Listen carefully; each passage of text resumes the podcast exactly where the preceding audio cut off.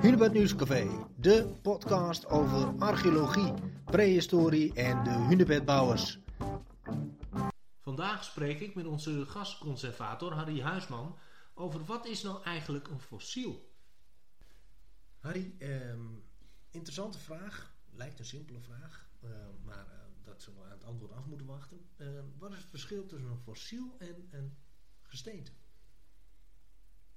Ja, dan noem je wat. Eh, een fossiel kan gesteente zijn,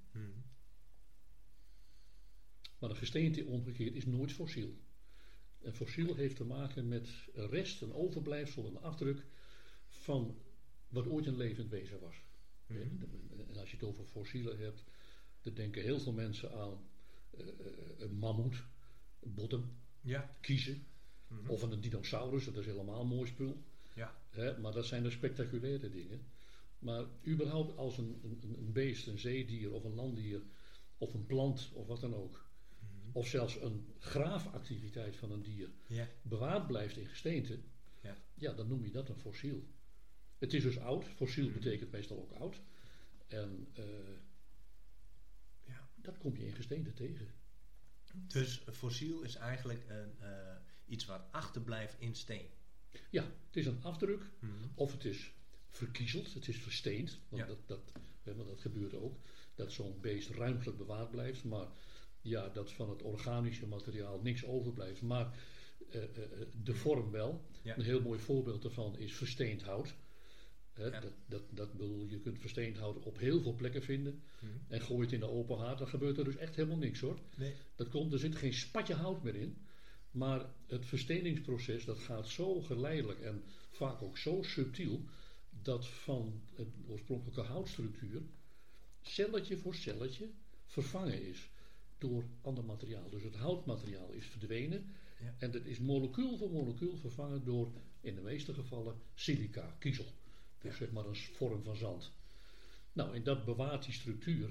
En als je dat gaat polijsten of je gaat het onder een microscoop bekijken, Mhm. of je hebt het gewoon in je hand, dan denk je gewoon, ja, dat is een stuk hout.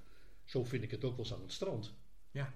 Alleen tik je erop, ja, dan hoor je iets anders dan hout. Ja, exact, exact. Ehm, de fossielen, eh, vind je die overal? Eh, hier gewoon op de Drentse eh, zandgrond? of, of, of waar vind je die eigenlijk? Als je echt geïnteresseerd bent in fossielen, dan weet je meestal al wel dat je naar het buitenland moet. Hm. Of naar Zuid-Limburg, want daar heb je steengroevers.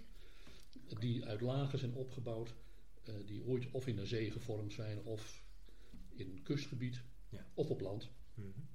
Waar bekend is dat in bepaalde, bepaalde niveaus, bepaalde lagen, dat daar fossielen in voorkomen. Ja. Bijvoorbeeld in Winterswijk, eh, of bij Winterswijk heb je de, de steengroeven. Nou, daar wint men kalksteen voor landbouwkalk en om cement te produceren. Aha. Daar zitten fossielen in. Dat is een, een, een oorspronkelijk een gebied geweest wat je kunt vergelijken met het Waddengebied. Nou, daar is een kalkmodder afgezet, daar hebben beesten gelopen, in dit geval kleine dinosauriërs. Die hebben hun pootafdrukjes achtergelaten en die worden gevonden. Ja. Dus dan heb je te maken niet met het echte beest, maar met ja, zeg maar zijn aanwezigheid. In de vorm van afdrukjes van kippenpoten of andere dingetjes. Soms zelfs nog met de afdrukken van de huidschubbertjes erop. Zo. Nou, dat zie je dan op zo'n plaats, stuk steen zitten. En dan heb je dus een prachtig fossiel gevonden. Maar het is dus niet meer dan een spoor van een fossiel. Ehm, noemen we dat ook anders? Want ik kan me voorstellen, er zijn ook fossielen waarin een compleet wezentje, ik noem maar wat, een, een, wesp is, is, is, is ingekapseld. Ja, nou, dat, dat, daar zijn bepaalde uitdrukkingen voor. En vaak dat, dan gaat het ook te ver om dat eh, eh, eh, zeg maar te vertellen. Maar je hebt echte fossielen, dat zijn dus resten van planten en dieren die op een of andere manier bewaard gebleven zijn. Ja. Maar je hebt ook fossielen die bestaan uit sporen. Ja. Eh, en dat kunnen loopsporen zijn, dat kunnen graafsporen zijn, dat kunnen woelsporen zijn. En het leuke is, je had het net over Drenthe, Ja. vooral die graaf- en die woelsporen, Mhm. die kun je hier betrekkelijk veel vinden in de vorm van zwerfstenen. En die zijn afkomstig ook weer uit de ijstijd, zo'n 155.000 jaar geleden door het landijs hier achtergelaten. Ja. Die stenen komen uit Zuid-Zweden en het aangrenzende deel van de Oostzee. Ja. Daar heb je zandsteenafzettingen. Die zijn zo ongeveer een 20 miljoen jaar geleden ontstaan. In een ondiepe zee. Hmm. Hele ondiepe zee, kustnabij. Oké. En daar, is, nou ja, er zijn zandlagen gevormd, hè, Ja. omdat het zand door rivieren werd aangevoerd. In dat zeebodemzand hebben beesten geleefd. Ja. Denk maar aan warpieren en nou ja, hè, het zullen andere dieren geweest zijn. Maar vergelijkbaar. Mhm. En van die beesten zelf is geen spoor overgebleven. Helemaal niks. Nee. Alleen hun bouwactiviteiten, want er waren zelfs ook organismen bij, wij noemen ze dan maar populair wormen, Ja. maar die hebben buisjes gebouwd, eh, mannetje aan mannetje naast elkaar. Hm.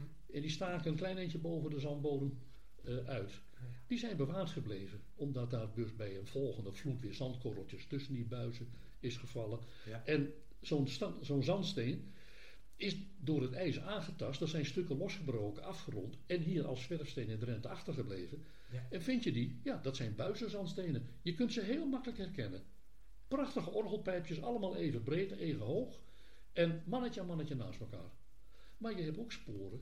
Als je dat vergelijkt, dan denk je, ja, dat is een soort watpier geweest. Ja. Hè, want die watpieren, dat zijn, nou ja, mensen die met zeevissen bezig zijn, die weten precies wat een watpier is. Mhm. Maar goed, die graaft een U-vormige gang in eh, watslik. Aan de ene kant, daar poept hij uit, en aan de andere kant, daar haalt hij zijn voedsel. Maar die zit dus als het ware in een U-vormige buis. Ja. Zo'n watpier heeft geen ribbetjes, heeft geen botjes, niks. Dus als die doodgaat, dan lost dat op, dat verdwijnt. Maar die sporen kunnen bewaard blijven. Nou, we vinden in Drenthe sporen van U-vormige graafgangen. Ja. En ja, je kunt je moeilijk aan de indruk onttrekken. Dat moet een soort watpier geweest zijn. Met een begin waar zijn mondopening heeft gezeten. Ja. En aan het achtereind moest hij de rest weer kwijt. Nou, dat is dan het poepgaatje geweest. Ja. Maar die U-vormige buis met daartussenin. Ja, dat, dat zeebodemslik wat door zijn graafactiviteiten een beetje verstoord is. Hele typische boogvormige structuurtjes.